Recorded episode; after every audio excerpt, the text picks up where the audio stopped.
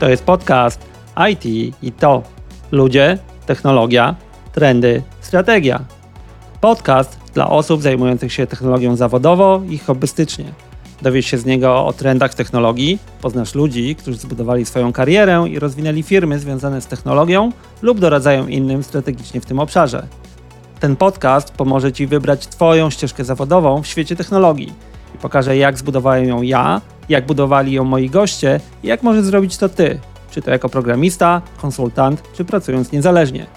Pamiętaj, mam opinię i nie zawaham się jej użyć, ale możesz się z nią nie zgodzić i na to liczę.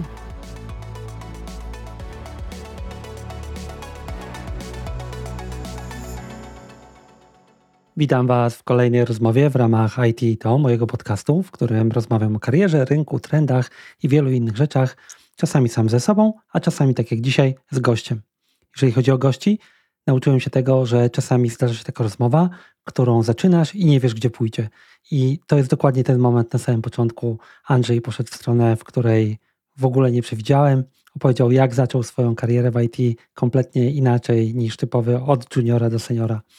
Nie rozmawialiśmy tylko o tym, rozmawialiśmy o rynku exploitów, cybersecurity, DevSecOps, jego podróżach, zmianach lokalizacji i uczeniu się frameworków społeczeństw, o tym, jakie unikalne cechy charakteru możesz wykorzystać do budowania swojej ścieżki kariery, umiejętnościach, których musisz się nauczyć, aby pracować niezależnie i wielu, wielu, wielu innych rzeczach. Także zapraszam Was do rozmowy z Andrzejem Dejakiem. Jak zwykle, jeżeli jesteś tu pierwszy raz, zasubskrybuj ten podcast. Pomoże Ci to nie zgubić kontaktu ze mną, a jeżeli słuchasz tego na Apple Podcast, napisz swoją opinię, oceń go, to na pewno mi pomoże lepiej kształtować te rozmowy dla Ciebie. Nie przeciągając, rozmowa z Andrzejem. Cześć Andrzej, miło Cię gościć w podcaście. Dzień dobry. Jakbym nie patrzył w internetach, kojarzę Cię z bezpieczeństwem. Wygląda na to, że wybrałeś to jako swoją karierę. Powiedz mi, to nie jest dość typowe, bo to dość specyficzna branża, e, aczkolwiek teraz stała się popularna. To wybór świadomy, czy tak trafiłeś z przypadku do bezpieczeństwa jako takiego? No w zasadzie można powiedzieć, że bezpieczeństwo wybrało mnie, e, ale żarty żartami. Jak najbardziej jest to świadomy wybór i ja troszeczkę rozwinę ten wątek, bo w zasadzie po pierwsze nigdy jakoś e, głośniej o nim nie mówiłem, poza jakimiś kuluarami, a no, mam powiedzmy dość nietypową historię wejścia do e, bezpieczeństwa. Miałem powiedzieć, że zaczynamy od dużego Big Bang, więc jedziesz. Właśnie. Ja pracę w IT zacząłem konkretnie od bezpieczeństwa, czyli jest to nie do końca taka typowa droga, gdzie ktoś najpierw e, zostaje programistą albo najpierw zostaje administratorem, a potem przechodzi z tej roli do bezpieczeństwa. Ja od razu wskoczyłem do bezpieczeństwa i zrobiłem to trochę tak po omacku. E, co konkretnie zrobiłem na samym początku? Mm, ja szukałem podatności, pisałem exploity i sprzedawałem je Jankesom w różnych e, programach. No, to się wtedy nie nazywało bug bounty, to się nazywało responsible disclosure, między innymi programy takie jak Zero Day Initiative, czy, czy Vulnerability Contribution e, Program od iDefense. Więc takie programy były jeszcze przed programami bug bounty, to było lata temu, to było ponad dekadę temu. I ja tak rozpocząłem swoją przygodę, po pierwsze sam w ogóle IT i, i od razu z bezpieczeństwem, więc jest to trochę nietypowa, nietypowa droga. I, i, I właśnie dlatego mówię o tym, że to właśnie bardziej bezpieczeństwo mnie wybrało niż, niż ja bezpieczeństwo, bo po prostu zacząłem coś robić i ja wtedy na tamten moment w ogóle nawet nie wiedziałem, że da się na tym zarabiać jakieś pieniądze. Czyli jak zacząłem pierwszy, pierwszy raz znalazłem jakąś podatność i sprzedałem exploita, to oczywiście to się nie wydarzyło tak w jeden czy dwa dni. To przed tym to ja mocno grzebałem w komputerach, mocno grzebałem również w bezpieczeństwie, więc to były, to były lata pracy, ale ja w ogóle nie byłem świadomy, że da się na tym, na tym zarabiać. Ja myślałem, że no, żeby zarabiać w IT, no to trzeba być administratorem albo programistą, a, a bezpiecznik, taka rola po prostu w ogóle na tamten moment w Polsce chyba nawet y, nie istniała. Jeżeli istniały, to, to były takie pozycje, o których ja, jako tam powiedzmy nastolatek, w ogóle nie byłem świadom, że takie coś jest w korporacjach. Więc nie miałem o tym pojęcia. Wskoczyłem od boku. Dzisiaj zrobiłbym to pewnie przez bug bounty, więc jeżeli ktoś dzisiaj myśli o wskoczeniu do bezpieczeństwa, to może robić to przez bug bounty. No ja robiłem to przez właśnie te programy sprzedaży, exploitów. Tutaj taka gwiazdka. Kiedyś podatności i exploity było dość, no może nie dość łatwo, ale było łatwiej je znaleźć, bo była po prostu mniejsza kompetycja. W chwili obecnej znalezienie podatności w jakimś dużym produkcie i jeszcze wyeksploitowanie tej podatności na najnowszym systemie operacyjnym, dla przykładu Windowsie czy macOSie, no jest, jest trochę bardziej skomplikowane niż było to 10 lat temu, więc, więc to też nie jest taka, nie jest już taką łatwą drogą do wskoczenia do security. Natomiast to był mój początek. Następnie, bo to jest ważny fakt, następnie po około 4 latach, e, na przełomie 2014-2015, no można powiedzieć, że uderzyłem w taką ścianę, wypaliłem się. Te 12, 13, 14 godzin na dobę siedzenia w IDzie, siedzenia w WinDBG, siedzenia w GDB czy LLDB e, dało sobie znać i, i wyjechałem do UK. Wyjechałem do UK, e, tam w zasadzie tak trochę fartem to można nazwać, znalazłem pracę jako programista i przez kolejne dwa lata pracowałem jako programista, ale to bezpieczeństwo dalej, dalej mnie jakoś tak nie, nie, nie, nie, nie chciało puścić. Więc pomimo tego, że pracowałem programist, jako programista w mm, takim wydaniu 9-5, tak, 9 to 5, to dalej sobie klikałem te rzeczy z bezpieczeństwa, dalej szukałem jakichś podatności, dalej robiłem research, więc bezpieczeństwo nie chciało mnie e, puścić, więc wiem właśnie po tym doświadczeniu, że w zasadzie bezpieczeństwem zajmowałbym się nawet gdybym robił coś innego, nawet gdybym nie musiał. No bo czasami mamy to pytanie, że e, może nie tyle pytanie, ale poradę, żeby robić coś w życiu, coś, co robiłbyś nawet gdybyś nie musiał, na, e, nie musiał tego robić, nie musiał na tym zarabiać. No to ja robiłem bezpieczeństwo nawet w momencie, kiedy na tym nie zarabiałem, robiłem to czysto, czysto dla zabawy i, i, mogę powiedzieć z ręką na sercu, bezpieczeństwo jest moją e, no, dość dużą pasją. Nie jest jedyną moją pasją. W chwili obecnej mam kilka różnych innych rzeczy, które równie, również mnie pasjonują, ale bezpieczeństwo myślę, że e, od początku do końca ze mną, ze mną będzie w jakimś wydaniu. Jest to, jest to dla mnie po prostu bardzo ciekawe pole, które jest bardzo szerokie i głębokie. Czyli tak naprawdę wchodząc w bezpieczeństwo jest tyle różnych dróg rozwoju, że nawet jak się nam znudzi jakaś jedna, to możemy przejść do innej, a potem do innej, a potem jeszcze do innej i życia nie starczy, żeby wszystkie, żeby wszystkie zeksplorować. Więc to nie był przypadek. To zacząłeś z Big Bang. Nie będziemy tutaj wyciągać metryk, ale faktycznie programy typu iDefense to, to było coś, co kiedyś istniało, jeszcze kilka innych wcześniej. Ja byłem kiedyś na takiej liście backtracku a, no, przez długi czas, ale nie, nie wysyłałem tam rzeczy. Jest ciekawa książka w temacie, ona jest bardzo wysokopoziomowa, ją podlinkuję, którą niedawno czytałem. No i teraz chwilę Cię pociągnę w tym temacie, e, wychodząc e, z założonego naszego toku rozmowy. A co myślisz o sprzedaży eksploitów w tej chwili? Co myślę o sprzedaży eksploitów w tej chwili? Wiesz co, końcem końców myślę dokładnie to samo, co mm, lata temu, czyli jeżeli ktoś znalazł podatność i napisał exploita, to ma pełne prawo sprzedaży tego e, komukolwiek chce. To już jest e, etyczna, mm, etyczna decyzja danej osoby. Natomiast w chwili obecnej, to się już zaczęło kilka lat temu, rządy próbują nałożyć pewne restrykcje. Ostatnio było głośno o tym, że rząd Chin nałożył dość mocne restrykcje właśnie na vulnerability research w Chinach, na to, jak można po prostu nałożył regulacje, co można robić z takimi, z takimi informacjami jak podatności, co można robić z takimi programami, bo to są programy jak exploity. Według mnie, moje zdanie pozostaje niezmienne jeżeli coś takiego znalazłeś i napisałeś exploita, to ogranicza cię tylko twoja e, własna etyka. Natomiast masz pełne prawo, żeby na tym, żeby to sprzedać i żeby na tym zarobić. Co więcej, druga strona nie powinna mieć do ciebie o to pretensji, no bo końcem końców to, że produkt jest podatny, jest wynikiem tego, że dany vendor popełnił błąd i nie dbał o to bezpieczeństwo. Gdyby Apple, dla przykładu Apple, gdyby Apple chciało zadbać w 100% o bezpieczeństwo, to Apple mogłoby kupić bo jest najbardziej, najmocniej wycenianą spółką techniczną w, w historii, chyba nawet w ogóle jakąkolwiek spółką, to mogłoby po prostu kupić te wszystkie exploity i nie byłoby problemu. Apple tego nie zrobi, bo najwidoczniej w Excelu im się nie spina taki zakup, nie jest opłacalny. Jeżeli byłby opłacalny, jeżeli by na tym skorzystali, to po prostu by to zrobili. Więc ja jestem zdania, że mm, powinno zostać to w gestii prywatnej i etycznej. Jeżeli ktoś chce, to może to robić.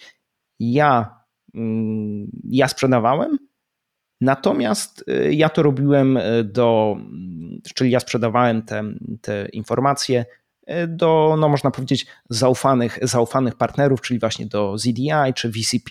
Więc gdzieś tam wiedziałem, co się z tym potem dzieje. No to była moja, powiedzmy, granica etyczna. Natomiast jeżeli ktoś ma granicę etyczną przesuniętą trochę bardziej albo trochę bardziej rozmazaną, to jest kwestia indywidualna i wiesz, ja nie będę go moralizował, co on powinien robić z własną pracą, e, z własnymi efektami, efektami pracy.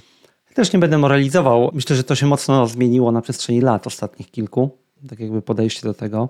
E, ten punkt, o którym powiedziałeś o Chinach, tak to się wydarzyło.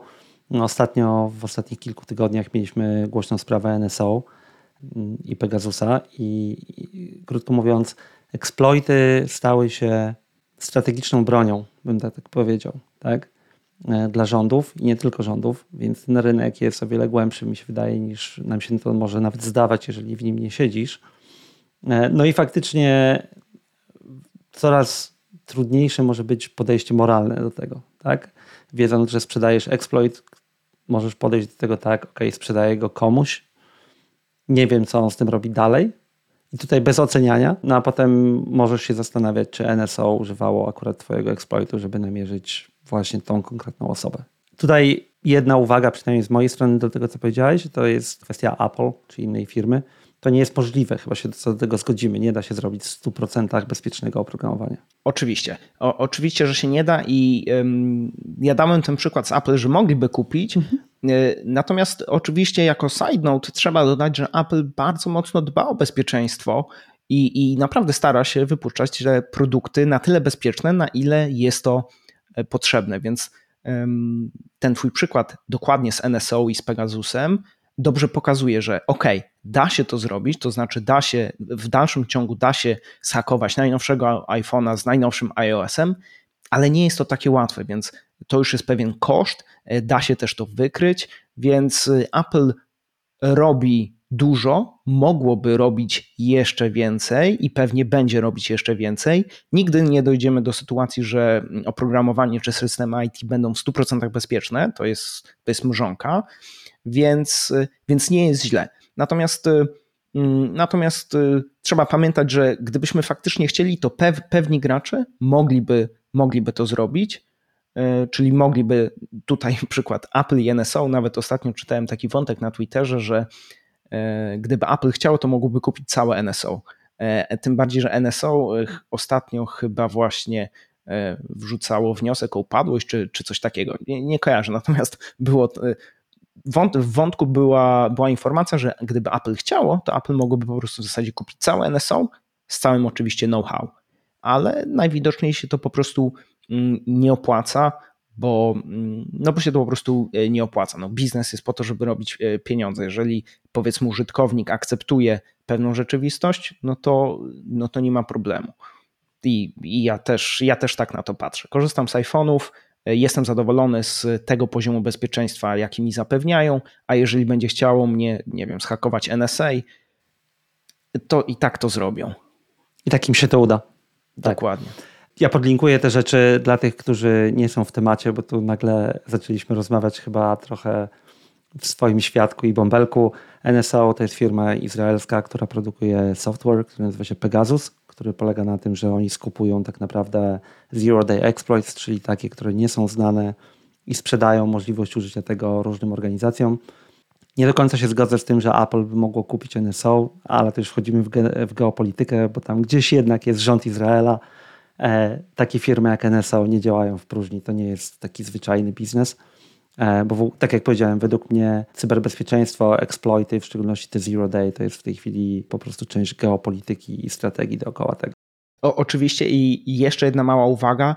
E, przez, przez e, możliwość zakupu chodzi mi tylko o pieniądze, bo raz że, raz, że dochodzą rządy, a dwa, że ci ludzie też nie chcieliby pracować na Apple. Jest bardzo dużo researcherów, którzy są, można powiedzieć, bardzo dobrzy w tym, co robią, oni, oni po prostu nie chcą pracować dla Apple. Nie, nieważne, ile Apple by im zapłaciło. No pewnie jest jakaś suma, którą, za którą by się zgodzili, ale, y, ale ta suma jest y, powiedzmy jakaś taka zaporowa, abstrakcyjna. Y, więc są różne pobudki, czy to właśnie geopolityczne, czy personalne, że ci ludzie nie chcą tam pracować. I, i, no i tego się nie zmieni. No, na, to, na to nie tak, mamy wpływu. Tak. Więc chodzi mi tylko, że pod względem pieniędzy Apple mogłoby kupić NSO, natomiast oczywiście tak technicznie to to nie, no nie mogliby tego zrobić, bo e, nawet gdyby kupili, to jakaś część ludzi by po prostu przestała pracować dla NSO i, i by się skończyło i, i założyliby nową firmę. I, i, no, i, i tak, by, te, tak by się to skończyło tak naprawdę.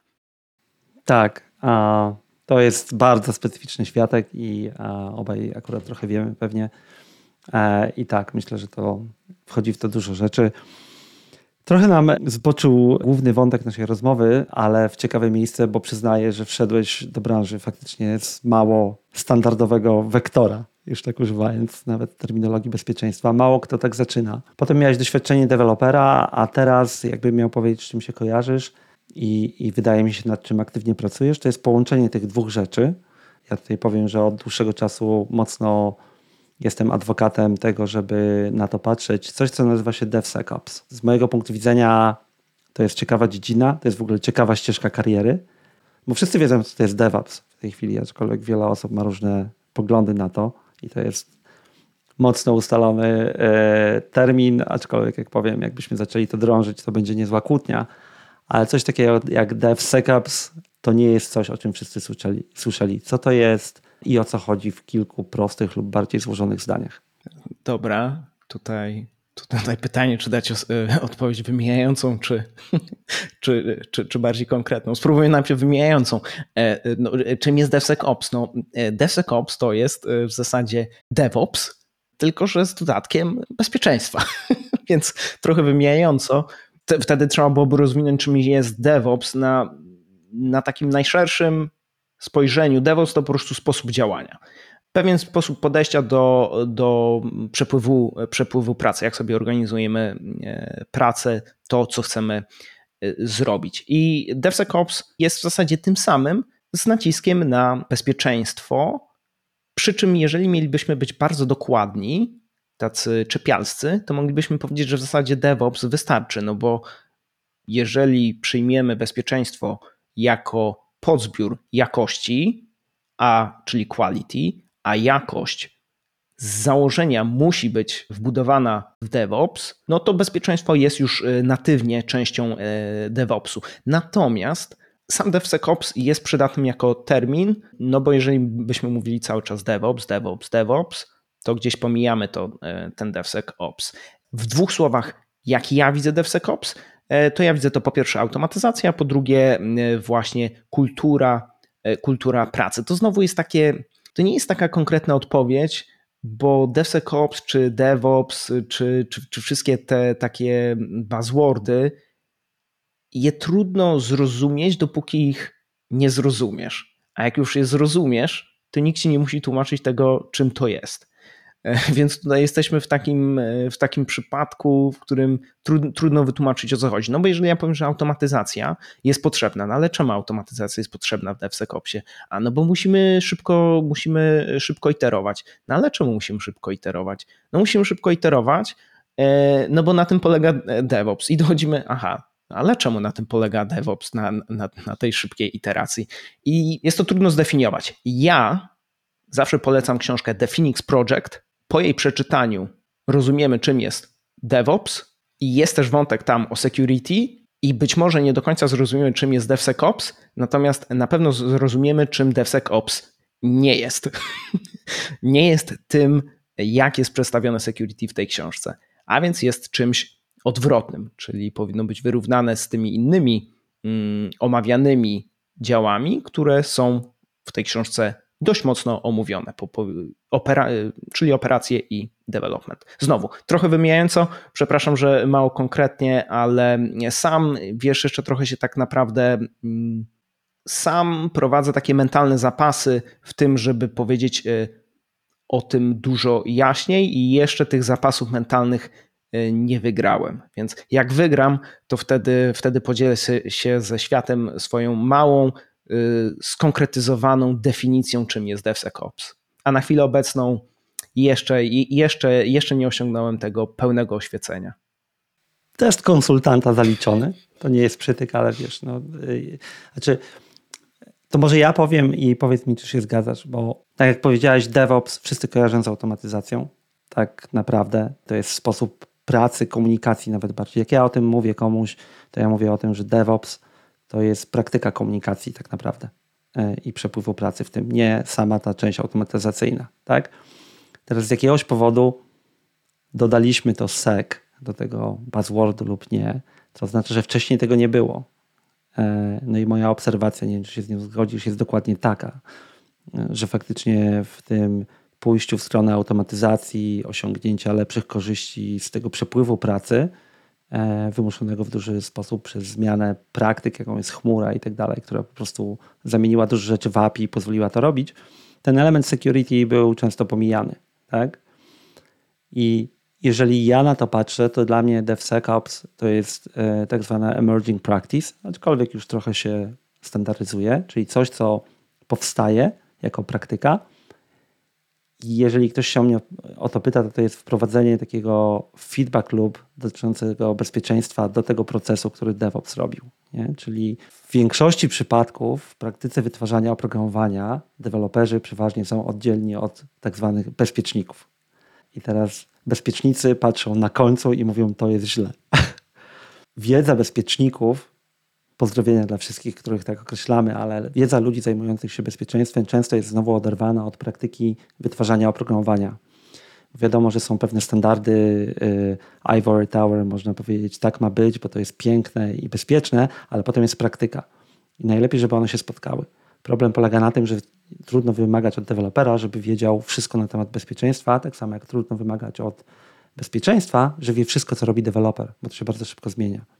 Dla mnie DevSecOps to jest sposób na stworzenie pętli, w której oni mogą dawać sobie feedback przez automatyzację.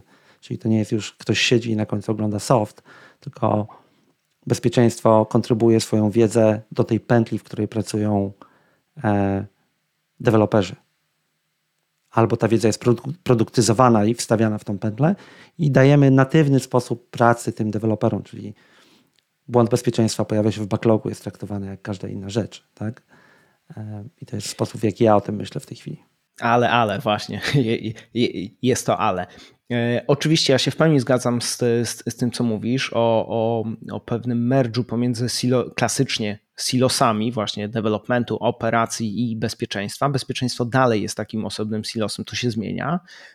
Natomiast czy w takim wypadku osoby, które są tylko bezpiecznikami, a nie, mia, a nie mają doświadczenia czy jako operacje, czy jako deweloperzy, czy takie osoby są w ogóle w stanie zrozumieć workflow dewelopera, czy workflow DevOpsa, gościa od operacji?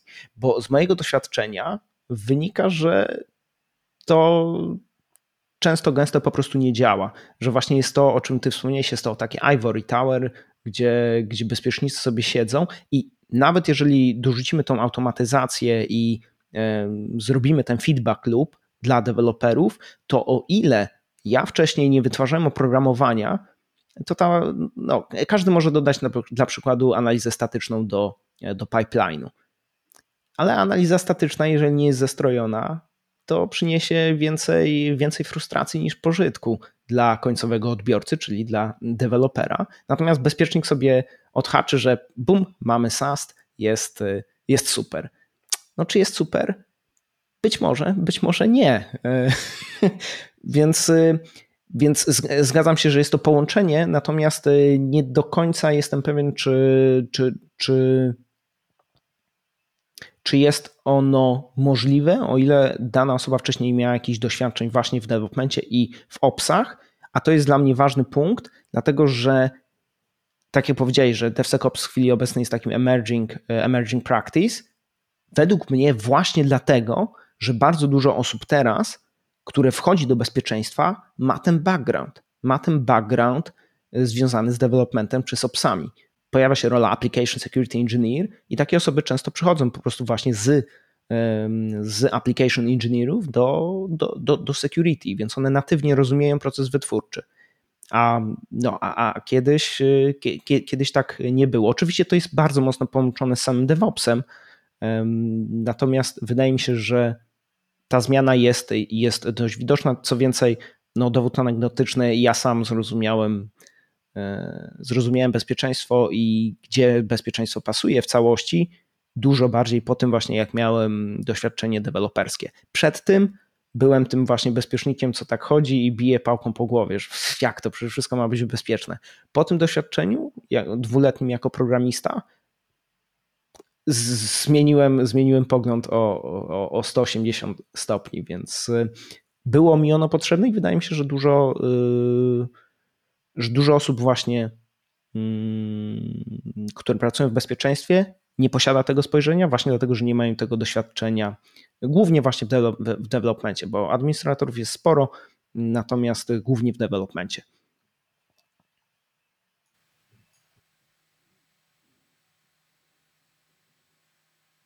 Okej, okay, wróciłeś. Na chwilę cię nie było, Andrzej, e, Jędrzej, wytniesz to. E, dlatego ja, mów, tak jak powiedziałem, uważam, że to jest głównie sposób komunikacji, tak? Dlatego, że trzeba to się spotkać. Nie da się. Ja nie wierzę już w ogóle w taką karierę typowo bezpiecznika, typowo dewelopera. To się wszystko wymiesza, zależnie od, od, od środowiska, w którym pracujesz, ale to dla mnie jest głównie sposób komunikacji, jak przekazać deweloperom informacje o bezpieczeństwie, jak przekazać e, bezpieczeństwu informacje na temat wytwarzania oprogramowania, bo na końcu wypuszczamy produkt. Produkt powoduje jakieś ryzyko dla firmy, oczywiście też powoduje jakiś e, gain czy zysk, ale gdzieś tam to ryzyko się pojawia i teraz jak możemy je zminimalizować, zakładając, że działamy szybko tak? albo coraz szybciej. E, no bo typowe podejście pod tytułem to teraz wykończycie pisać i my zrobimy teraz miesięczne testy i potem damy wam listę błędów, to to generalnie to już nie ma prawa bytu albo spowoduje, że firma będzie w jakimś dziwnym miejscu. Oczywiście, to po prostu nie działa. Tak, więc e, apel Tomka i Andrzeja, deweloperzy rozmawiajcie z bezpiecznikami, bezpiecznicy przytulcie deweloperów, E, i wymieniajcie się informacją. E, dokładnie. Grajcie, jesteście jedną drużyną i gracie do jednej bramki, więc to, to, to jest tak naprawdę celem. Nie będziemy tego drążyć, ale przyznam, że w wielu miejscach widziałem właśnie taką sytuację, gdzie te dwie drużyny traktują się jako zło konieczne. Deweloperzy muszą przejść bezpieczeństwo, bezpieczeństwo tą pałką musi strzelić deweloperów. Jest to zła sytuacja, zmieńcie to, jeżeli to jest to, gdzie jesteście. Jak jesteśmy już przy tym temacie, to e, dlaczego deweloper powinien się zainteresować bezpieczeństwem? Może pisać kod bez tego. E, owszem, deweloper może pisać e, kod bez tego. Tak samo jak może pisać kod bez e, testów, bez podejścia TDD. Tylko na koniec dnia, jeżeli będzie używał podejścia TDD i będzie testował swój kod, to długoterminowo będzie wytwarzał kod szybciej i będzie ten kod lepszej jakości a systemy e, IT, już patrząc szerzej, wytwarzane w ramach jego organizacji, będą bardziej robust. Tak, no bo raz, że będziemy mogli szybciej iterować, szybciej wprowadzić zmiany, bo będziemy wiedzieć, że nasze zmiany nie psują tego, co już zrobiliśmy wcześniej, e, a to pozwala nam na wprowadzanie szybszych zmian, a to znowu pozwala nam się uczyć, e, więc, więc tak samo właśnie jak w przypadku testowania, bezpieczeństwo jest generalnie tym samym. Ja, ja bardzo często wspominam o tym, że bezpieczeństwo jest odnogą jakości, jest podzbiorem jakości i należy tak na nie patrzeć. Nie należy gloryfikować bezpieczeństwa jako coś, co jest dużo ważniejsze niż wszystkie inne rzeczy. Nie. Na koniec dnia bezpieczeństwo jest um, podobną właściwością systemu, jaką jest właśnie jakość tego systemu, dla przykładu reliability czy, mm, czy właśnie quality, tak? Jest podobną właściwością i, i, i tak należy tak należy na to patrzeć bez, bez gloryfikacji. Więc jeżeli tak na to popatrzymy, to będąc deweloperem, dbając o bezpieczeństwo w jakimś zakresie, tak? W, bo znowu, deweloper, deweloper jest od dowożenia feature'ów, ale jeżeli dbamy w jakimś zakresie e, o bezpieczeństwo, czyli robimy ten due diligence, korzystamy z jakichś podstawowych e, automatyzacji, które nam coś tam powiedzą, co z naszym kodem może być nie tak, albo już z aplikacją na stagingu, co może być z nią nie tak, mm, no to długoterminowo będziemy w stanie wytwarzać lepszej jakości systemy, co nam, deweloperom, pomaga być po prostu lepszymi, lepszymi rzemieślnikami, co znowu prze, prze, przekłada się trochę na takie personalne spojrzenie, że to, co robię, ma większy sens i, i, i jest lepszej jakości, no ale to też ma znaczenie. To jedni, no, jedni podchodzą do tego bardziej poważnie, e, drudzy mniej. Według mnie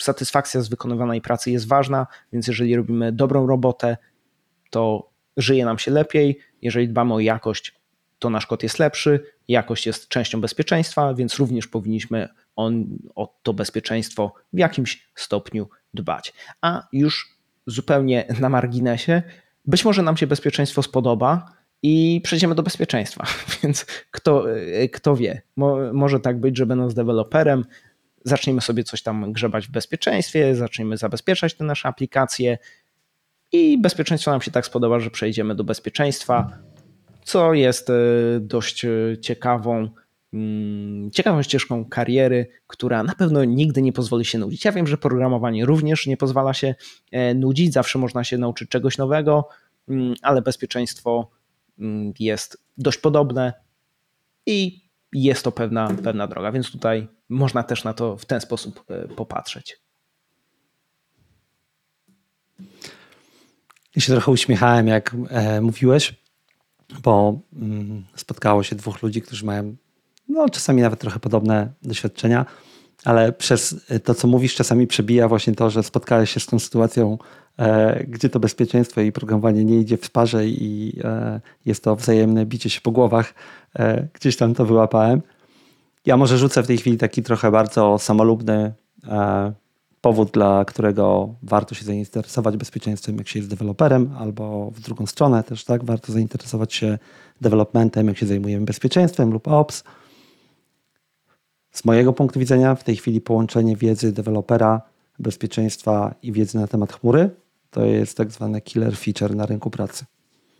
E, czyli to otwiera takie ścieżki kariery i możliwości zarabiania też pieniędzy, że e, krótko mówiąc, że e, no, jest mało tych ludzi na rynku e, i na pewno nie zaszkodzi to. Tak? Jeżeli patrzymy na nasz development naszej kariery, gdzie chcemy się rozwijać i tak dalej, i tak dalej. Dobrze, jeżeli mówimy o karierze i stylu życia, e, lubisz podróżować? To było pytanie. Czy lubię podróżować?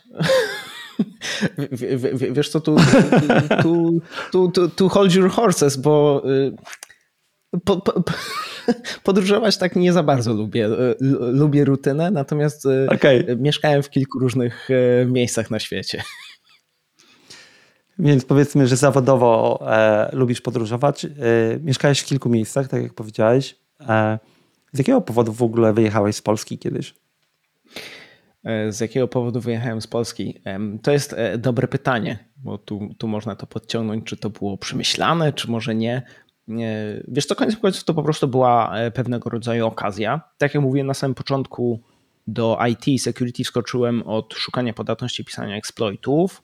Robiłem sobie to przez kolejne dwa lata i w pewnym momencie zobaczyłem ogłoszenie na staż E, do takiej firmy konsultingowej w UK, która się nazywa MWR. Tej firmy już nie ma, ona została wykupiona przez mhm. kurczę, przez przez tą fi, fińską firmę od antywirusów. E, F-Secure, F-Secure, kurczę, jak mogłem zapomnieć F-Secure. F-Secure. Została wykupiona e, przez F-Secure'a. Tak. I i, I, dostałem e, ofertę stażu, w sensie zaaplikowałem i dostałem się na ten staż w MWR w 2012 roku.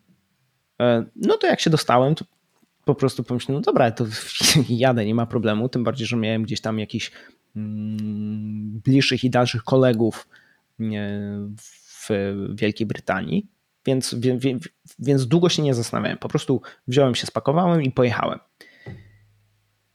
Spędziłem tam kilka miesięcy na tym stażu, bo to był taki staż wakacyjny. Mogłem albo zostać i pracować jako konsultant, no albo znaleźć coś innego. I ja nie chciałem zostawać i pracować jako konsultant, dlatego że jeszcze w tamtym momencie dalej jarało mnie to szukanie podatności, generalnie taka praca badawcza, security research, więc nie chciałem zostawać pracować po prostu jako pentester, więc poszukałem, zacząłem szukać innych opcji. I tak się złożyło, że do NWR w tamte wakacje yy, wrócił, zawitał John yy, i John przyjechał z Sekuni. Yy, pracował w Sekuni przez rok, Mm, zwolnił się i wrócił do, do UK, zatrudnił się w MWR. I John powiedział mi, że w zasadzie, no jeżeli mam takie zainteresowanie, to mógł zaaplikować do Sekuni, że, że, że, że tam takie rzeczy będę robił. No to pomyślałem sobie, no dobra, znam Sekunię, w sumie wydaje się być dobrą firmą. Dania wydaje się być też całkiem fajna. Kopenhaga wygląda ładnie. No dobra, no to zaaplikuję. Zaaplikowałem i e, dostałem się do Sekuni i zacząłem tam pracować przez, e, przez praktycznie kolejny e, rok do 2013 mm, do wakacji. Więc przepracowałem sobie tam rok. Tutaj też e, można powiedzieć, że za bardzo nie miałem jakichś oporów, tylko po prostu dobra, to jadę do Kopenhagi, ludzie chyba, chyba tam potrafią rozmawiać po angielsku, to, to się dogadam. Okazuje się, że Duńczycy bardzo dobrze rozmawiają po angielsku. Świetnie, więc na, nawet było łatwiej ich zrozumieć niż Anglików. bo Anglicy mają swój akcent, e, natomiast e, Duńczycy mówią tak po mm, angielsku-amerykańsku, więc, e, więc nie ma problemu, żeby zrozumieć to, co do ciebie mówią. I, i żyło mi się tam dobrze, Natomiast po tym roku gdzieś doszedłem do jakiegoś punktu, w którym no za bardzo już w tej pracy się niczego nie uczyłem, była trochę taka repetytywna. No to pomyślałem sobie, no dobra, no to trzeba z tym skończyć. Wracam, wracam, wracam do Polski. Wróciłem do Polski, konkretnie na Dolny Śląsk y, na wieś. E, mam tam taki mały domek, więc po prostu tam mieszkałem przez kolejne dwa lata. W międzyczasie zapałem się do firmy, która robiła security research i exploit development full time. Taka mały, mała, można powiedzieć, mały exploit development shop z, z Grecji z nimi sobie współpracowałem przez, przez kolejny kilkanaście miesięcy. No, aż, aż doszedłem do tego punktu, e, nazwijmy to, e, tego wypalenia, gdzie, gdzie, gdzie już, no już, już po prostu można było, e, już nie dawałem rady, tak, tak? Już, już totalnie musiałem coś zmienić, bo te, te, ta IDA i LLDB to jednak siada, siada na banie. A przynajmniej, przynajmniej ja to robiłem w takim wydaniu, że siadało mi to na banie. Teraz będąc starszym, mądrzejszym, rozegrałbym to inaczej. Natomiast siedzenie po 14 godzin, patrzenie w, w heksy się nie działa. Przynajmniej u mnie nie działa, być może u niektórych działa. E, no i znowu wyjechałem do UK. Znowu wyjechałem do UK, e, więc faktycznie nie nie mam problemu z przeprowadzkami, przychodzi mi to dość łatwo. Ale i tak nie lubię podróżować, więc tu, tutaj trzeba zaznaczyć, że e, raczej jak się przeprowadzałem, to, to było po prostu raz i od razu przeprowadzka i po prostu mieszkam. Natomiast takich, takich podróży, żeby pojechać tu na dwa tygodnie, tam na dwa tygodnie, tam na, nie wiem, trzy i coś popatrzeć, to jeżeli mam być szczery, to, to, to nie przepadam. Ja wiem, że dużo ludzi lubi podróżować, ja natomiast w pewnym momencie zdałem sobie sprawę, że w zasadzie nie jest tak, że nie lubię, ale nie jest tak, że lubię. Jest mi to po prostu, można powiedzieć, obojętne. Ja się dobrze czuję, nawet jak po prostu sobie siedzę cały czas w, no obecnie w Warszawie i, i sobie chodzę na spacery i się będę tak samo dobrze czuł, e, jak robię to i jakbym pojechał gdzieś indziej i bym, nie wiem, zwiedzał jakieś, nie wiem, piękne zabytki czy jakieś plaże. Po prostu not my cup of tea. Największa zaleta z Twojego punktu widzenia tego, że wyjechałeś w inne miejsca? Tak jakby z punktu widzenia Twojego rozwoju, życia, developmentu? E, wiesz co, w zasadzie powiem dwie. Największa, największa mhm. jest bezsprzecznie to, że mm, człowiek uczy się nazwijmy to innych frameworków, ale nie takich frameworków technicznych, jakichś języków, tylko frameworków działania ogólnie społeczeństwa. W, w Danii wszystko działa podobnie, ale inaczej. W UK wszystko działa podobnie, ale inaczej. W Polsce wszystko działa podobnie, ale inaczej. Więc jeżeli przeprowadzimy się i pomieszkamy sobie w jakimś kraju przez jakiś czas, to będziemy musieli się nauczyć pewnych sposobów. Sposoby sposoby wykonywania różnych czynności, które w kraju znamy, a tam się różnią, ucząc się tego nowego sposobu, nagle zdajemy sobie sprawę, że a, okej, okay, to w ogóle takie coś się robi, to w ogóle może być problem, że no u nas to nie jest problemem, a tu jest. Nagle się po prostu dostrzega takie rzeczy, które długoterminowo gdzieś tam, e, nazwijmy to, budują taką świadomość, że cokolwiek się powiedzmy w życiu wydarzy, no to sobie dasz radę, no bo byłeś tam, dałeś sobie radę, byłeś tam, dałeś sobie radę, no to będziesz gdzie, gdzie, gdziekolwiek idzie też sobie dasz radę, nie? E, robią ci się już takie mentalne checklisty, że a dobra, tu muszę sobie zrobić to, to, to, to i to, to, to, to, to i to, więc e, to jest największa zaleta, bo ona po prostu profituje we wszystkim, co się robi w życiu, e, a taka mm, a taka druga, ta druga to wypadła mi z głowy, więc najwidoczniej nie była taka ważna. To jest już dostatecznie dobra zaleta. Ja muszę czasami popracować chyba nad kontrowersyjnymi stwierdzeniami, bo akurat tutaj znowu się muszę zgodzić. To była jedna z rzeczy, która mi najbardziej pomogła, jak zobaczyłem po prostu sposób działania w innych krajach.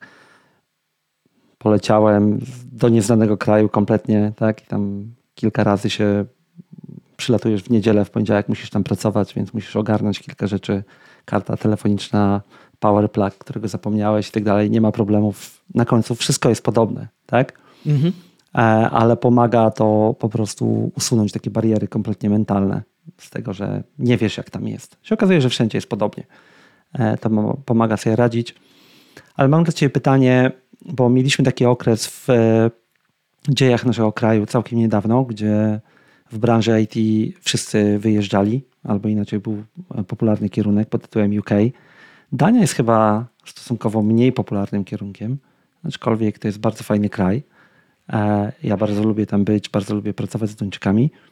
Jakbyś miał powiedzieć w krótkich słowach rynek IT albo taki szerszy rynek, nie? otoczenie pracy w IT w Polsce, w UK, w Danii. Jakie są największe różnice? Wiesz co? Jeżeli miałbym porównywać Danię z UK, to w moim odbiorze y, też trzeba brać pod uwagę, że y, ja w tamtym okresie byłem jeszcze dość młody, więc, więc moje spojrzenie i, i, orientacja sytuacyjna była trochę, trochę inna. E, nie, nie, nie wszystko dostrzegałem, Przy, przynajmniej mówiąc o tym stażu, a potem pracy w Sekuni bo potem już pracując w Danii jako program, e, w UK jako programista, no to faktycznie już dużo, dużo rzeczy zobaczyłem, do nich zaraz wrócę. Natomiast w tym pierwszym etapie to wiesz co, dużych różnic pomiędzy nimi nie ma, ale, i to jest ważne, na pewno są duże różnice pomiędzy pracy, pracą w Polsce. To znaczy, nie będzie takiej dużej różnicy współpracując z Duńczykiem czy z Anglikiem. Ta praca będzie przebiegać, nazwijmy to smooth. Natomiast różnica w współpracy z innymi Polakami, z, z, firmami w Polsce jest, jest kolosalna pomiędzy tamtymi dwoma przykładami. E, w moim doświadczeniu, oczywiście to jest dowód, dowód anegdotyczny. Mhm. E, z kim mi się lepiej współpracuje? Lepiej mi się współpracuje z Anglikami czy z Duńczykami, czy generalnie z ludźmi, no, nazwijmy to, z Zachodem. W Polsce ta współpraca mhm. jest trochę bardziej toporna. Zakładam, że to nie jest tylko w Polsce, że po prostu jako Słowianie się trochę y, różnimy od, od innych, więc być może współpraca z mm, Rosjanami czy z, z Ukrainą byłaby podobna do, do tej polskiej. Y, tak samo właśnie jak ta współpraca z Duńczykami czy z Anglikami jest podobna do siebie. Czyli jak pójdziemy na zachód, to ta praca, współpraca jest podobna, y, oni są do siebie podobni, a na wschód my jesteśmy do siebie podobni. Więc raczej tak mhm. tak bym to klasyfikował. Y, też nie chcę mówić, że jedno jest zdecydowanie lepsze niż drugie, to po prostu ma swoje plusy i minusy. Więc no znowu, jeżeli mielibyśmy te wszystkie plusy i minusy zważyć, oczywiście odejmując stawki, no bo stawki na pewno będą większe na mhm. zachodzie, to nie biorąc pod uwagę stawek, to plusy i minusy wydaje mi się, że się, że się wyrównają. Że ta współpraca jest, jest podobna. Pewne aspekty są lepsze, inne aspekty są gorsze. Na koniec dnia jest, jest, jest podobnie. A co, a, a co. To ja powiem. No. To ja powiem, jak ja to widzę, a ty powiedz, czy to ci się zgrywa, bo już abstrahując od różnic narodowościowych, kulturowych, E, no bo wiadomo, e, jednak nasza kultura od duńskiej czy od anglosaskiej się trochę różni, to mi się wydaje, że w naszej branży największa różnica jest taka, że w krajach takich jak Dania, e, Wielka Brytania, jeszcze kilka innych, że oni robią to dłużej po prostu. I oni już pewnych rzeczy się narobi, nauczyli, wytworzyli sobie ścieżki, wiedzą, że to nie wybuchnie, albo oczywiście ma to też swoje wady, tak? Ale wiele rzeczy, które my u nas powodują jeszcze jakieś problemy, to one tam już zostały kiedyś przerobione i stąd się bierze ta właśnie inna kultura pracy, e, na którą jeszcze nakładają się właśnie te narodowościowe e, czy, czy kulturalne podejście. Tak? Duńczycy są bardzo spokojni w takich niektórych interakcjach i tak dalej. E, UK jest bardziej luźne według mnie akurat, ale jest jednak coś, co po prostu jest doświadczeniem 60 lat robienia czegoś. Tak? Versus nasze 20 czy 30 kilka. E, oczywiście e, I, ja nawet to rozszerzę, bo to, to, to nie jest to tylko to 60 lat. Dla przykładu, mocno uderzyło mnie to, że na zachodzie, głównie mocniej to było widoczne właśnie w UK niż, niż w Danii, jest bardzo duże nastawienie na, na, na proces, na wyrabianie procesów. U nas tego nie ma. No ale Anglicy tak naprawdę musieli wyrabiać procesy. No, oni kolonizowali świat bez procesu po prostu nie daliby rady tego zrobić, więc to nawet nie jest tylko 60 lat, to jest bar, to są setki lat do tyłu, gdzie oni pewne rzeczy musieli wyrabiać i to know-how przychodzi. E, no u nas, u nas historia wyglądała jak wyglądała, e, więc po prostu to know-how nie miało szansy przechodzenia i ewoluowania tak szybko i tak sprawnie, jak miało okazję to robić tam. Więc no więc na pewno stoją tutaj, tutaj trochę inaczej, no ale to sprowadza się do tego, że po prostu dłużej są w, w tej grze i mieli więcej tych iteracji tej gry, a nie dlatego, że końcem końców yy, my nie możemy do tego dojść, bo, bo nie. Oczywiście, że możemy i prędzej czy później dojdziemy, natomiast to zajmuje, zajmuje czas. Nawet, nawet w momencie, kiedy jesteśmy w stanie popatrzeć, jak to działa gdzieś indziej, to i tak to, że wiemy, jak coś działa, to nie znaczy, że dokładnie rozumiemy, skąd to się e, bierze i czemu ma być tak, a nie inaczej. Więc i tak swoje błędy jakieś musimy popełnić, żeby potem powiedzieć, a okej, okay, dobra, dlatego to, dlatego to musi być w ten sposób i okej. Okay. I, i, i, i, i, będę robił to teraz e, w ten sposób. Więc różnice, różnice tak, są. Da się to zaobserwować w codziennym życiu. Ale wróciłeś do Polski i e, w tej chwili zdecydowałeś się nie kontynuować kariery IT, takiej rozumianej przez pracę w różnych miejscach i tak dalej, tylko rozwijasz swoją własną działalność, jesteś samodzielnym konsultantem, tak? E, dlaczego zdecydowałeś się na ten krok versus, bo mógłbyś ze swoim doświadczeniem prawdopodobnie wylądować na pozycji CISO kogoś, czyli e, security officer, czy właśnie w którejś z firm wytwarzających oprogramowanie się tym zająć, a jednak zdecydowałeś się na samodzielny konsulting. Y, zgadza się. Y, wiesz co? Ja w zasadzie odkąd, y, odkąd pamiętam, czyli odkąd, odkąd mój dysk twardy nagrywa, nagrywała mi film, to zawsze miałem, nazwijmy to, swoją wizję rzeczywistości. To być może to na pewno wynika z jakichś cech charakteru. Być może wynika również z tego, że jestem leworęczny, e, więc no już nie wchodząc skąd to wynika. Skądś to wynika, ale to nie ma większego znaczenia, mhm. skąd coś wynika. Końcem końców jest tak, że gdzieś tam mam swoją tą wizję e, rzeczywistości i posiadanie swojej wizji rzeczywistości ma swoje plusy i minusy. No i w wydaniu właśnie robienia czegoś swojego ma swoje plusy, no bo sobie układasz tak, jak ty to widzisz, no i albo się uda, albo nie, ale sobie układasz tak, jak, tak, jak ty to widzisz.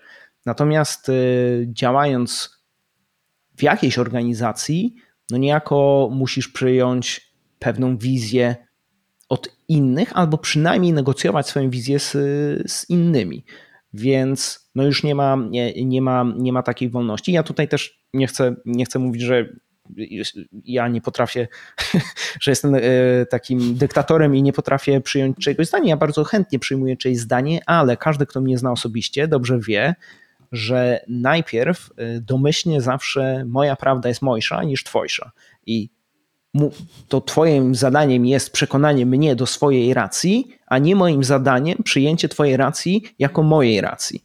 Więc jeżeli ci się to uda, a ja bardzo chętnie rozpatruję y, argumenty i co więcej, ja sam chętnie bardzo szukam e, błędów w swoim, e, w swoim myśleniu i sam szukam błędów i nieprawdy w tym, co myślę i jak działam. Ale dopóki jej nie znajdę, no to nie przyjmuję nie przyjmuje czyjejś e, wizji. No i znowu, ma to swoje plusy w pewnych aspektach, dla przykładu w rozwoju biznesu, aha, przynajmniej może mieć plusy, e, a ma to swoje minusy, dla przykładu właśnie pracując w większej organizacji, gdzie no, im większa organizacja, tym ma się tak naprawdę e, mniej wpływu, bo nawet w roli CISO mamy zupełnie inną swobodę działania w jakimś software house'ie jakimś mniejszym software house w Polsce, gdzie powiedzmy mamy tą swobodę działania dość dużą, być może by mi to pasowało, no ale już działając powiedzmy jako CISO w mm, jakiejś wielkiej organizacji, e, w multinational corporation, nie wiem, powiedzmy w, no dobra, no powiedzmy w Microsoftie, to już nie masz tak naprawdę wolności. No masz jakąś, jakąś wolność, ale to ja wiem, ja wiem, że to jest w ogóle kosmiczny level. To, to, to ewidentnie nie jest mój level. Natomiast taka osoba y, nie może robić tego, co chce, bo nie od tego, nie od tego nie, tam jest. Więc to są, to są osobne bieguny. No a jeżeli robimy coś swojego, właśnie swój biznes, no to mamy, mamy pełną wyko wykonawczość, mhm. oczywiście też odpowiedzialność, bo, bo jak, e, jak nie będzie działać, no to tylko ty jesteś winien, nikt inny. E, I okej, okay, bo mi się ta odpowiedzialność podoba. Więc e, końcem końców wynika to właśnie z tego, że no mam jakąś swoją wizję rzeczywistości i, i, i chcę spróbować ją implementować. Jest jeszcze jedna mała rzecz, no może nie taka mała, widzę, widzę jaki, jaki poziom i jakie usługi są oferowane na rynku. Uważam, że mogę robić co najmniej tak samo dobre, a powiem więcej, uważam, że mogę robić nawet lepsze usługi w pewnych aspektach mm, niż, niż konkurencja.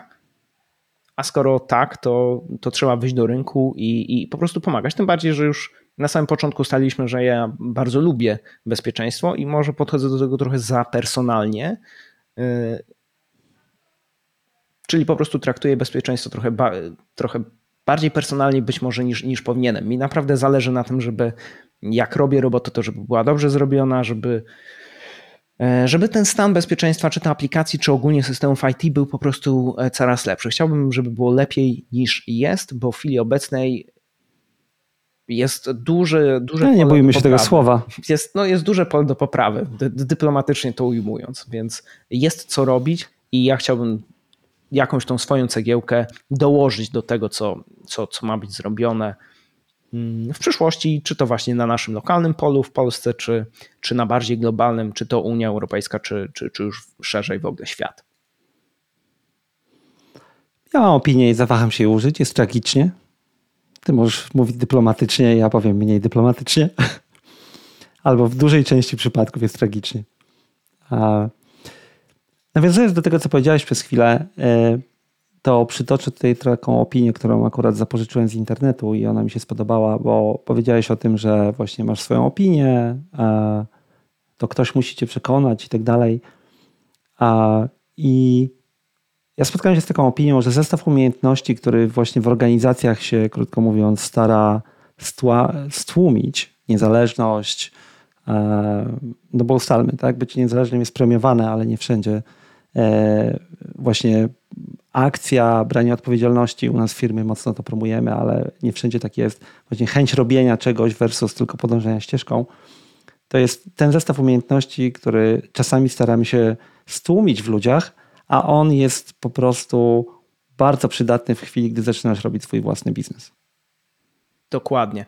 E, tutaj można w ogóle to rozszerzyć do takiej meta porady, że życie składa się z różnych gier i powinniśmy grać w takie gry, w których nasz, nasze osobiste cechy charakteru są premiowane, a nie w takie gry, w których nasze mhm. osobiste cechy charakteru są nie tylko niepremiowane, a, a, a wręcz aktywnie e, zwalczane. Więc jeżeli, mm, jeżeli tak do tego podejdziemy i będziemy tak na to patrzeć, to na koniec dnia no, wygramy. No, róż, różne gry, bo, bo życie to jest y, seria różnych gier, natomiast trzeba byłoby właśnie na to mm, tak popatrzeć, żeby być tam, gdzie to, co do nas pasuje, było faktycznie grał na naszą korzyść.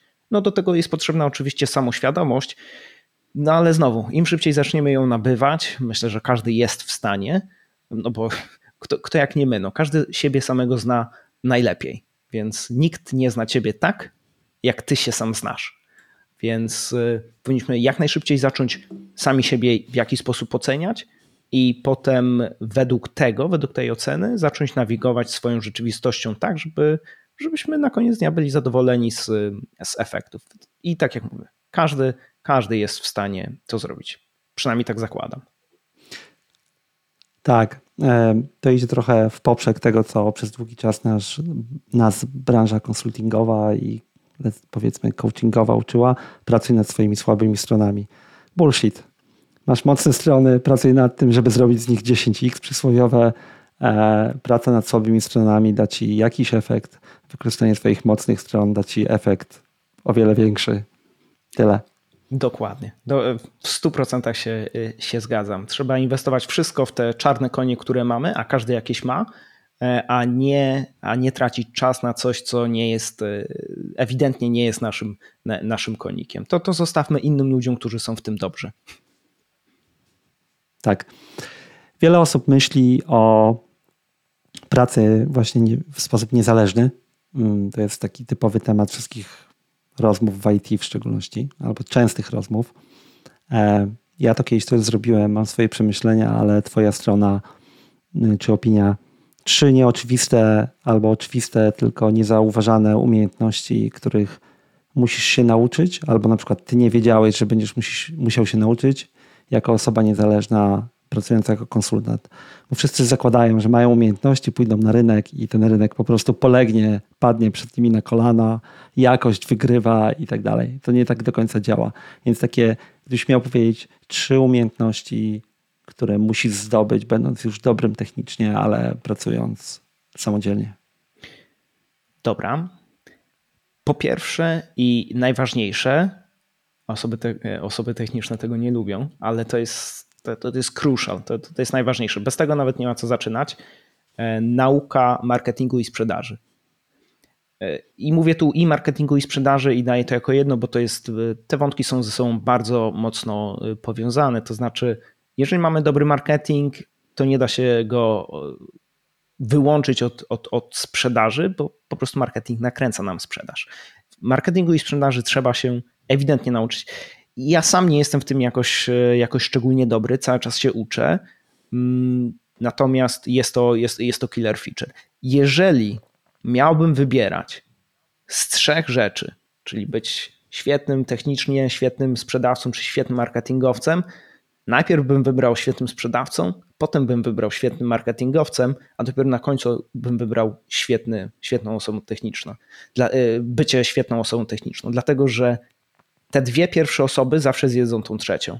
Dlatego, że nawet jeżeli jesteś wybitny technicznie, to jeżeli nie będziesz potrafił się zmarketingować, nie będziesz potrafił powiedzieć tego światu i nie będziesz potrafił się sprzedać, to nie będziesz tam, gdzie mógłbyś być. Ja nie mówię, że będzie źle, ale, ale nie będziesz, będziesz marnował swój potencjał poprzez niechęć wyuczenia się pewnych rzeczy, które jak najbardziej da się nauczyć. Znowu, nie każdy będzie świetnym marketingowcem, nie każdy będzie świetnym sprzedawcą, ale pewna umiejętność e, rozpoznawania różnych rzeczy, konstruowania pewnych rzeczy, co więcej, zdania sobie sprawy, że na przykład nie będę w tym dobry i należałoby to do kogoś oddelegować, no jest, jest krytyczna, więc sprzedaż i marketing.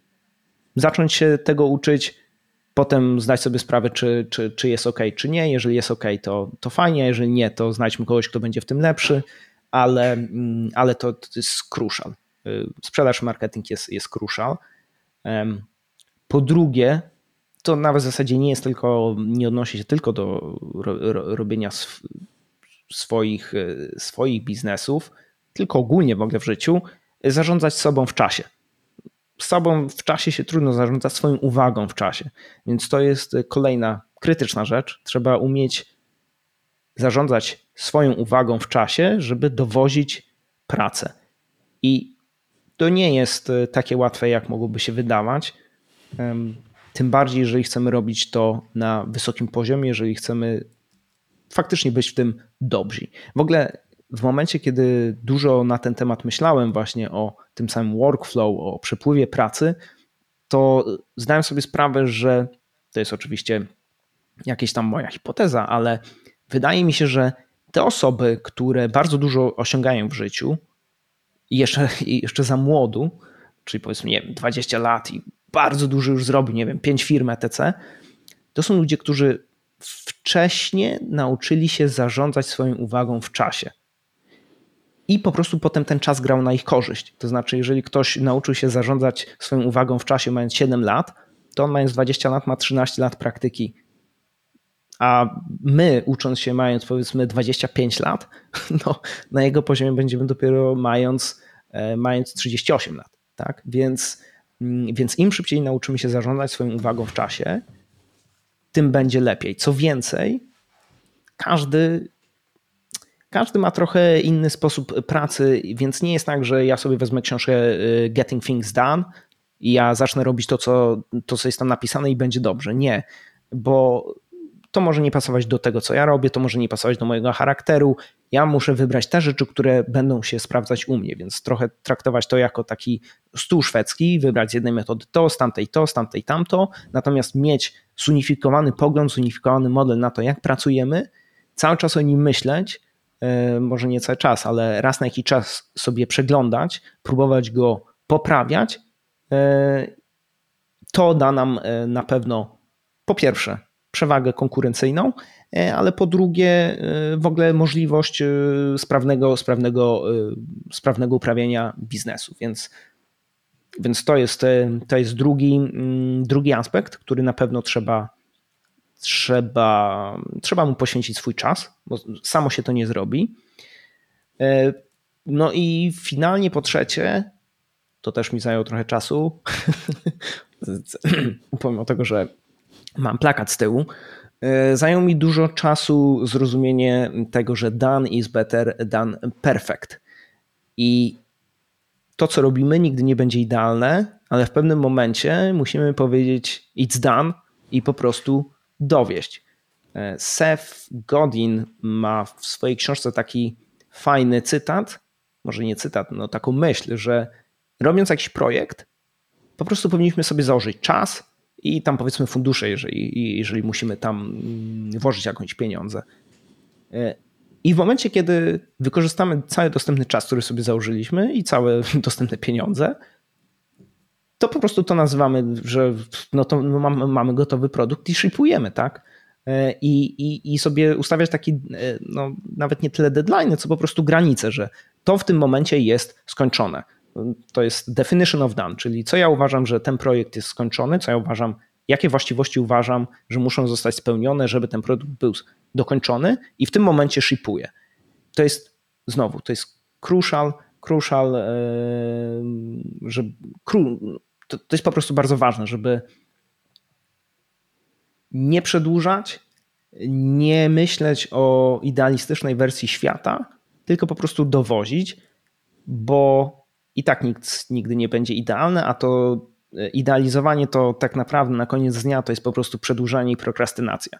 Więc każdy to robi tylko po to, żeby, żeby tego nie wypuścić, żeby nie dokończyć, a nie po to, że faktycznie jest idealistą. Ale to, to znowu jest w książce do the, nie Do the Work, tylko The War of Art od Pressfielda, którą znowu, e, znowu mocno polecam. Więc e, done is better than perfect jedziemy bez, bez przedłużania, bo jest milion różnych rzeczy, które, które trzeba zrobić i żadna z nich nigdy nie będzie idealna. Więc to są te trzy rzeczy: marketing, sprzedaż, zarządzanie sobą w czasie, swoją uwagą w czasie i zrozumienie tego, że done is better than perfect, więc nie przedłużanie. Mhm. Podpiszesz się, podpiszesz się oboma rękami. Mm, te rzeczy są ważne nie tylko jak się robi swój własny biznes, ale też w takiej pracy, nawet jak pracujemy gdzieś. A ta pierwsza rzecz, sprzedaż marketing, masz rację, ludzie techniczni mają problem z przełknięciem tego, ale każdy sprzedaje i nawet siebie sprzedaje pisząc kod, bo przekonuje kogoś, że mój feature jest lepszy niż twój feature, albo tak zrobimy, a tak nie zrobimy. To nie jest rozmowa techniczna, to jest przekonywanie innych ludzi, to jest sprzedaż na końcu. Tak?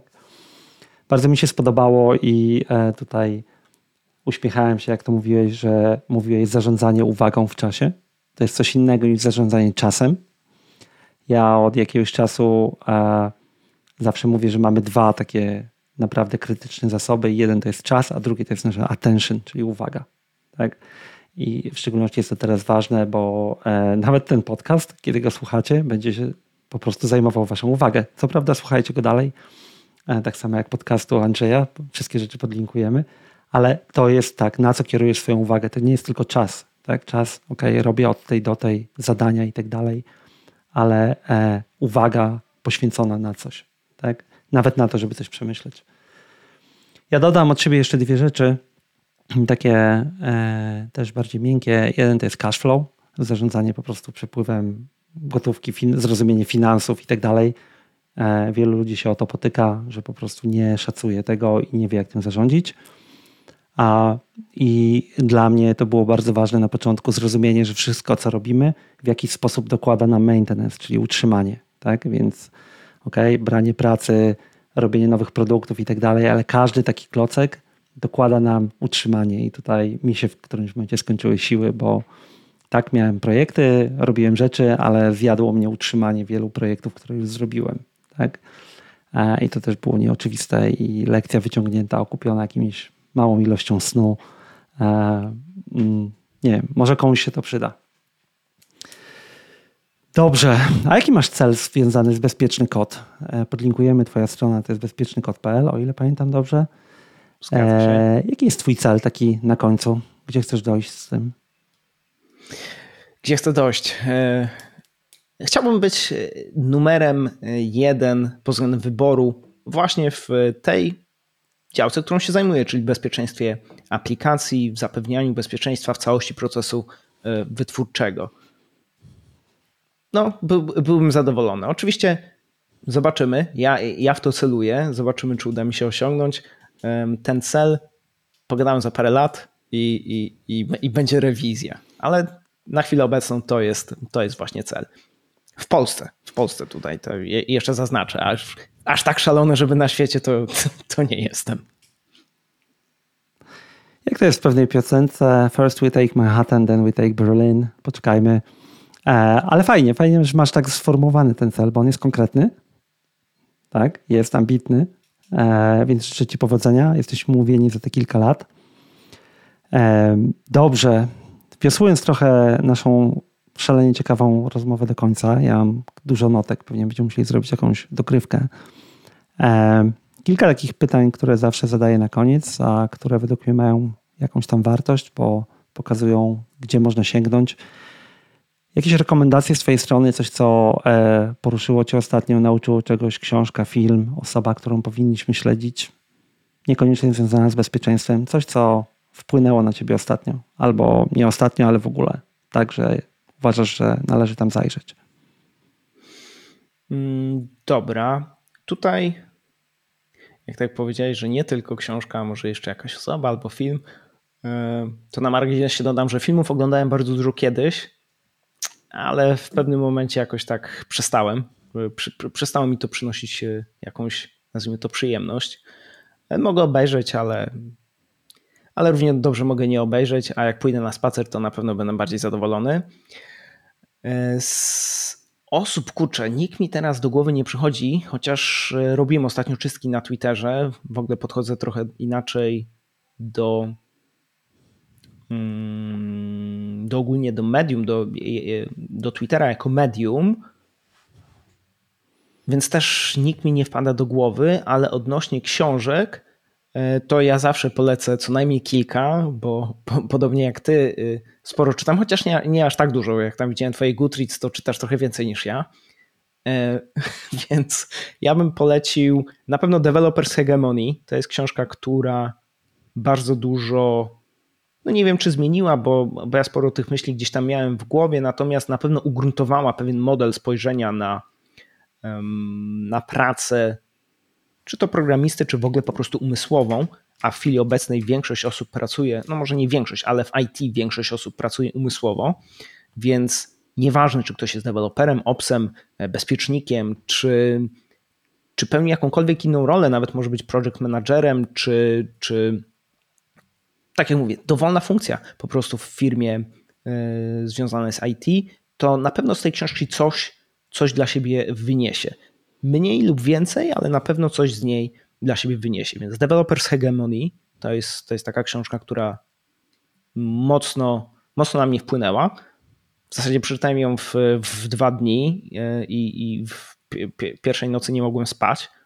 To, to pokazuje, że mocna. Przynajmniej na mnie wywarły mocne wrażenie. Niezła rekomendacja. Kolej...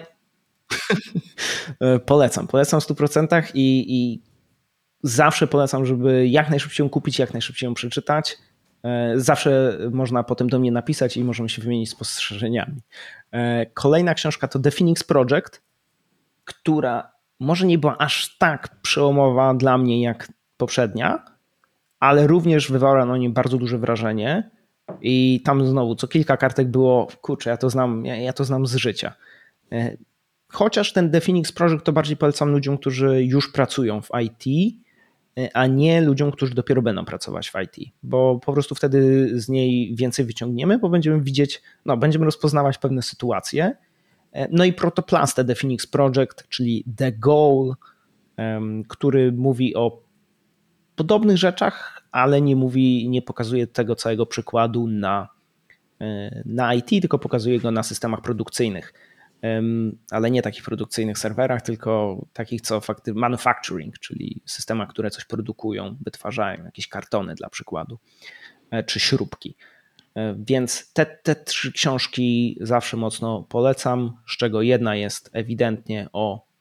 Mm, no, ona nie jest to o deweloperach, ona jest bardziej o, można powiedzieć, psychologii i socjologii Developers Hegemony, a te dwie kolejne są właśnie o przepływie pracy, o, o tym, co tak naprawdę liczy się w naszej pracy, ale ogólnie tutaj ta praca to jest taki meta, nie, nie chodzi o pracę, pracę, że idziesz i pracujesz gdzieś 9-17, tylko o pracę, że jeżeli coś robisz, to co się wtedy faktycznie liczy.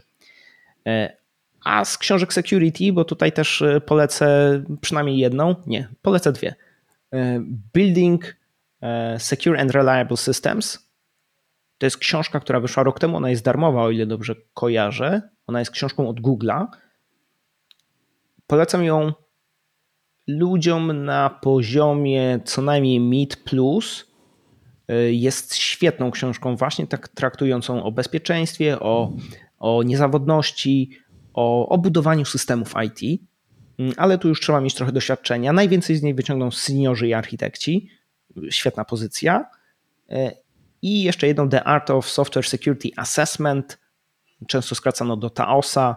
To jest książka o, no jak sama nazwa mówi, ocenie bezpieczeństwa Mm, oprogramowania aplikacji, to jest taka Biblia w zasadzie e, bezpieczeństwa mm, aplikacji takiego technicznego, bo oni tam nie, mają tam jeden czy dwa rozdziały jakiś o, o ocenie ryzyka czy o modelowaniu zagrożeń, ale głównie to jest taka mocna, mocna implementacyjna książka, jak szukać, jak szukać podatności i większość tej książki w ogóle jest taka niskopoziomowa, czyli szukamy podatności w jakimś kodzie C, e, czyli C, Natomiast y, jest bardzo dobrze napisana, jest ewidentnie klasyką, jest napisana przez najwyższej klasy ekspertów, no i wyszła w 2005 i dalej, dalej jest bardzo mocno na, e, bardzo wysoko na różnych listach książek o bezpieczeństwie, więc Taosę polecam każdemu.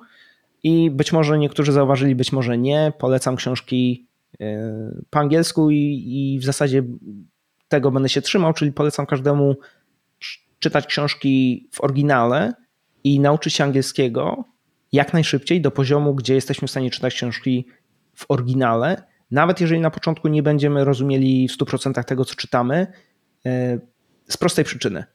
E, polski rynek nie oferuje nic, przynajmniej w, w tematach, które mnie interesują, nic ciekawego na tyle, żeby przebiło rynek globalny.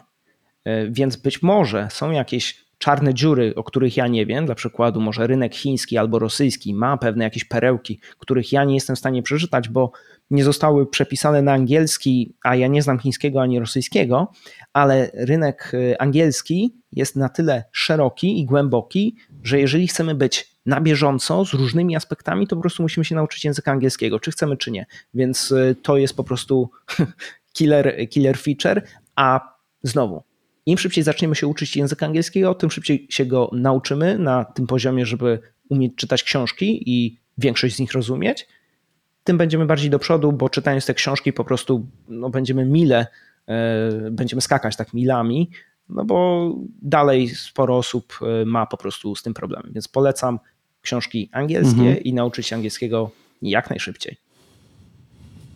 Ja wszystkie te pozycje e, podlinkuję. Będzie taka sekcja biblioteczka Andrzeja Dyjaka.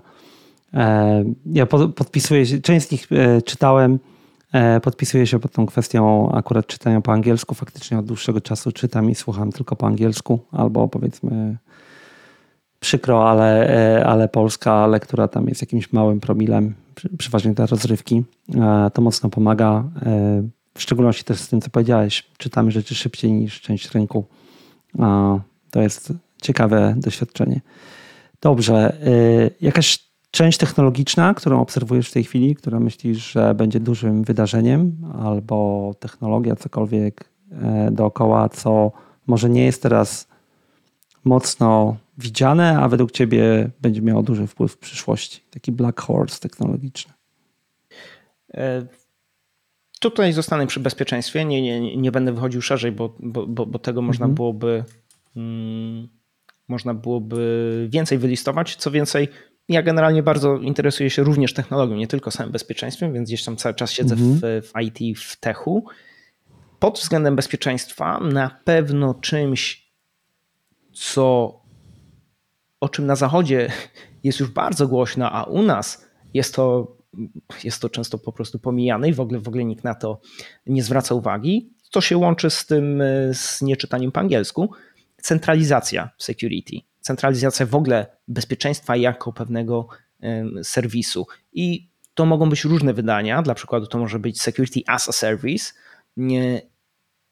I co tutaj mam na myśli, bo, bo, bo być może brzmi to dość e, trywialnie i ktoś pomyśli, ale Andrzej, no to już dawno jest. No nie jest. E, mam tutaj e, na myśli to, że w Polsce jest bardzo widoczny trend. No, trend. E, są mocno widoczne sytuacje, gdzie dla przykładu mamy organizację i ta organizacja sobie kupuje jakieś pudełko, które ma ją ochraniać. Dla przykładu mamy aplikację, jestem bankiem, to sobie kupię F5, czyli Web Application Firewall, on, on też ma inne mhm. funkcjonalności, ale powiedzmy, że chcę korzystać z tej być może sobie skonfiguruję tego Web Application Firewalla, być może nie. To już tam nie ma większego znaczenia. Ważne, że tego WAF-a będę miał i on tam ochrania te moje e, aplikacje i wszyscy są szczęśliwi. No nie do końca, dlatego że takie coś może i działało powiedzmy 15 czy 20 lat temu, natomiast w chwili obecnej hmm, trzeba popatrzeć na pewną asymetrię. Jeżeli ja sobie kupię pudełko, e, to dostawca tego pudełka, tutaj, tutaj vendor F5, nie ma takiego pokrycia na rynku i takiej widoczności na to, co się dzieje na świecie, żeby móc bardzo szybko reagować i wrzucać mi mm, aktualizacje tych moich, mm, tego mojego oprogramowania, czy tych moich e, regułek firewallowych. Dwa, że być może ja nawet bym mu nie chciał pozwolić, żeby to robił, no bo jeżeli ja bym mu pozwolił, to on może mi popsuć moją infrastrukturę. Więc nawet gdybym mógł to robić, to w moim interesie jest niepozwolenie mu na to, dlatego że może coś po prostu zepsuć i no nie będę, nie, nie będę wtedy zadowolony. Więc moja widoczność jako końcowego klienta jest dość ograniczona. Bo nawet jeżeli ja słyszę o jakichś atakach, to moje narzędzia nie są z nimi zestrojone. Natomiast jeżeli weźmiemy sobie analogiczną sytuację i dla przykładu nasze aplikacje są wpięte w Cloudflare'a, no to Cloudflare też oferuje Web Application Firewalla. Jeżeli ja będę korzystał z ich Web Application Firewalla, to automatycznie oni mitygują ataki, które widzą w całej swojej sieci, czyli nie tylko u mnie jako klienta, tylko u wszystkich swoich klientów. Co więcej, oni mogą sobie agregować i mogą powiedzieć, aha, czyli mamy, nie wiem, 100 klientów, którzy są software house'ami, u nich widzimy ten konkretny jeden atak, no bo mamy jakiegoś, nie wiem, threat aktora, który wykorzystuje jakąś konkretną, konkretną rzecz, no to ich wszystkich obronimy przed, przed, przed tym, no bo to się tutaj dzieje. Po prostu mają dużo lepszą, duży, pełniejszy obraz rzeczywistości, dużo lepszą widoczność na to, co się dzieje. Dzięki temu mogą reagować. Ich reakcja jest rozpropagowana do całego systemu, czyli obejmuje wszystkich e, klientów. E, no i oczywiście można wspomnieć bo jak podcast technologiczny y, bez wspomnienia o AI i machine learningu, no oczywiście można to też aplikować, bo mamy bardzo duże zbiory danych, bo mamy centralny serwis. Więc jest to mocno widoczne. U nas u nas, tego, u, u, nas tego nie widać, u nas da, dalej jesteśmy w sytuacji, w której często się kupuje jakieś pudełko i, i tyle. E, na zachodzie już widać, że nie, że to wszystko właśnie idzie w tym kierunku i ja jestem pewien, że na tym się skończy, dlatego że klient końcowy ma, e, ma otrzymuje lepszą wartość. To, to samo, to wszystko to samo się tyczy dla mhm. przykładu chmury. Jeżeli my, jeżeli mamy Azura czy AWS-a, to oni też są w stanie mitygować pewne rzeczy już na poziomie swojej infrastruktury dla wszystkich klientów, nie tylko dla jednego. A idąc trochę głębiej, no bo to jest jeden przykład. Weźmy inny przykład. Jeżeli mamy aplikację i mamy, piszemy sobie kod i mamy analizę statyczną, no to klasycznie to wyglądało tak, że ja sobie od, odpalam jakiś analizator statyczny dla mojego kodu, nie wiem, kupuję sobie checkmarksa i on mi tam mówi, no zrobiłeś taki, taki, taki błąd. E, weź go, popraw i będzie super. I tak za każdym razem go puszczam i, i, i powiedzmy jest, jest fajnie. No jest fajnie, ale jak pojawiają się takie feature'y jak code scanning w GitHubie, który polega na tym, że mamy specjalny język CodeQL. W CodeQL y, sama technologia SAML i CodeQL polega na tym, że mm, bezpiecznik, inżynier może traktować cały, całą bazę kodu jako, jako bazę danych i może pisać zapytania pod, tą, y, pod, pod kod. Czyli powiedzmy, pokaż mi wszystkie punkty wejścia, które mają to, to, to i spełniają to, to, to. Taki można powiedzieć y, bardziej mądry grep. Więc korzystając Mm, korzystając z CodeQL-a, GitHub ma mały, no już nie taki mały, ale rozbudowany zespół bezpieczeństwa, którego wycinkę, wycinek tego zespołu, jego jedynym zadaniem jest w zasadzie, w zasadzie robienie security researchu, czyli szukanie różnych podatności, a potem pisanie tych regułek CodeQL, które są zgeneralizowane pod ten problem, który znaleźli. Czyli tak, GitHub za, zatrudnia topowych researcherów, którzy szukają Y, bardzo ciekawych podatności, które potem generalizują do CodeQL-a, a ten CodeQL potem możemy puścić w featureze Code Scanning na cały kod, który przelatuje przez GitHuba. No to jest jedna z właśnie z takich centralizacji. No i w, w tym momencie, jeżeli ja jestem klientem i mój kod, moje, moje aplikacje są wytwarzane na GitHubie, to w momencie, kiedy GitHub uruchomi ten feature produkcyjnie i, i da mi do niego dostęp, to mój kod będzie skanowany pod kątem nie tylko jakichś tam znanych, prostych podatności, ale również tych wszystkich innych, które, które na bieżąco są dodawane jako po prostu regułki. No i to, ale końcem końców to dalej jest centralizacja bezpieczeństwa, czyli jako, bezpieczeństwa jako ogólnie serwisu. I, i, I, w tym kierunku to, to idzie. Wydaje mi się, że jest to pomijane w chwili obecnej, że dużo osób nie zdaje sobie w Polsce z tego sprawy, a to nadciąga, nadciąga wielkimi krokami. No i co? Zostaje mi się zgodzić. Znaczy, to jest coś, co ja nazywam ekonomią bezpieczeństwa, e, bo to jest po prostu zastosowanie ekonomii skali do załatania pewnych rzeczy albo tej informacji. Są dwa aspekty. Jeden jest ten, o którym ty powiedziałeś, po prostu standaryzując rozwiązania, elementy rozwiązań i usługi, zmieniamy jedną rzecz. Rozwiązanie jest takie samo dla wszystkich co oczywiście ma też swoje problemy. Jeżeli znajdziemy w nim dziurę, to mamy dostęp do wszystkich. Ale znowu reakcja vendora i, i usług jest o wiele szybsza, bo wcześniej każdy musiał wymyślić sam, jak to rozwiązać i każde środowisko było inne. Tak? Więc dla mnie to jest ekonomia skali zaaplikowana w bezpieczeństwie i moja prywatna opinia też jest taka, że wielu vendorów bez, kojarzonych z bezpieczeństwem zostanie złapanych e, z ręką w przysłowiowym nocniku, e, bo firmy takie jak AWS, e, Microsoft, Cloudflare one, czy GitHub, to one generalnie wejdą na ten rynek i następna rzecz, która się wykonuje, to tak naprawdę one produktyzują wiedzę, która dotąd była w głowach konsultantów. Trzeba było znaleźć konsultanta, który to zna i on dla ciebie to robił, a to nagle ta wiedza zostaje wyciągnięta, wrzucona, jest paczka, feature, klikasz scan i tyle. Tak? Dokładnie tak. Bardzo, dobrze, Andrzej. To była... Bardzo dobrze, bardzo mi się podobało właśnie to, to, to, to jak to ująłeś. Sam sobie e, ten podcast jeszcze raz przesłucham, e, szczególnie dla tej wypowiedzi, bo, bo bardzo ładnie to ująłeś. Fajnie. E, udało mi się też stworzyć coś, co ci się przyda. Andrzej, to była bardzo ciekawa rozmowa, w szczególności, że poszła od początków, o których nie wiedziałem, przez karierę do tego podsumowania, w które nam teraz wyszło odnośnie trendu technologicznego. Bardzo Ci dziękuję za czas i uwagę, bo o tym rozmawialiśmy. Przyjemność e, cała po mojej stronie. Mam nadzieję, że przede wszystkim słuchacze coś z tego dla siebie e, wyciągną. Jeżeli ktoś będzie miał jakieś pytania, to, to nie ma problemu, proszę pisać.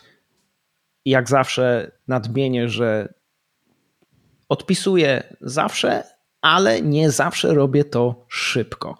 Więc jeżeli ktoś do mnie napisze i nie ma odpowiedzi po kilku dniach, to spokojnie, nie trafiło do spamu, bo ja spam przeglądam. E, natomiast, e, natomiast czasami zajmuje mi po prostu trochę więcej czasu e, o, o odpowiedź na, na maile, więc nie trzeba panikować. Natomiast jeżeli ktoś faktycznie spanikuje, to można wysłać jeszcze raz, ja się nie obrażę. Linki do wszystkich zasobów Andrzeja będą w notatkach, adres e-mail też. Słuchacze tego podcastu są przyzwyczajeni do tego, co powiedziałeś. Ja też odpisuję z pewnym opóźnieniem, w zależności od obecnych wydarzeń geopolitycznych, a bardziej uwagi poświęconej na akurat e-mail. Andrzej, dziękuję jeszcze raz i mam nadzieję, że jeszcze kiedyś porozmawiamy. Dla mnie rozmowa z Andrzejem była czystą przyjemnością. Czasami rozmawiasz, rozmawiasz, czas płynie i nagle orientujesz się, że musisz przerwać. To był właśnie ten moment, kiedy skończyliśmy. Jeżeli macie do mnie jakieś pytania, pamiętajcie, możecie nagrać je, wysłać jako plik dźwiękowy najlepiej. Włączę Was do audycji i postaram się na nie odpowiedzieć. Możecie też wysłać e-mailem, wtedy ja przeczytam je za Was. Wolałbym, gdybyście je nagrali. Pamiętaj, zasubskrybuj ten podcast, oceń go w Apple Podcast, jeżeli tam go słuchasz i do usłyszenia w kolejnych odcinkach IT.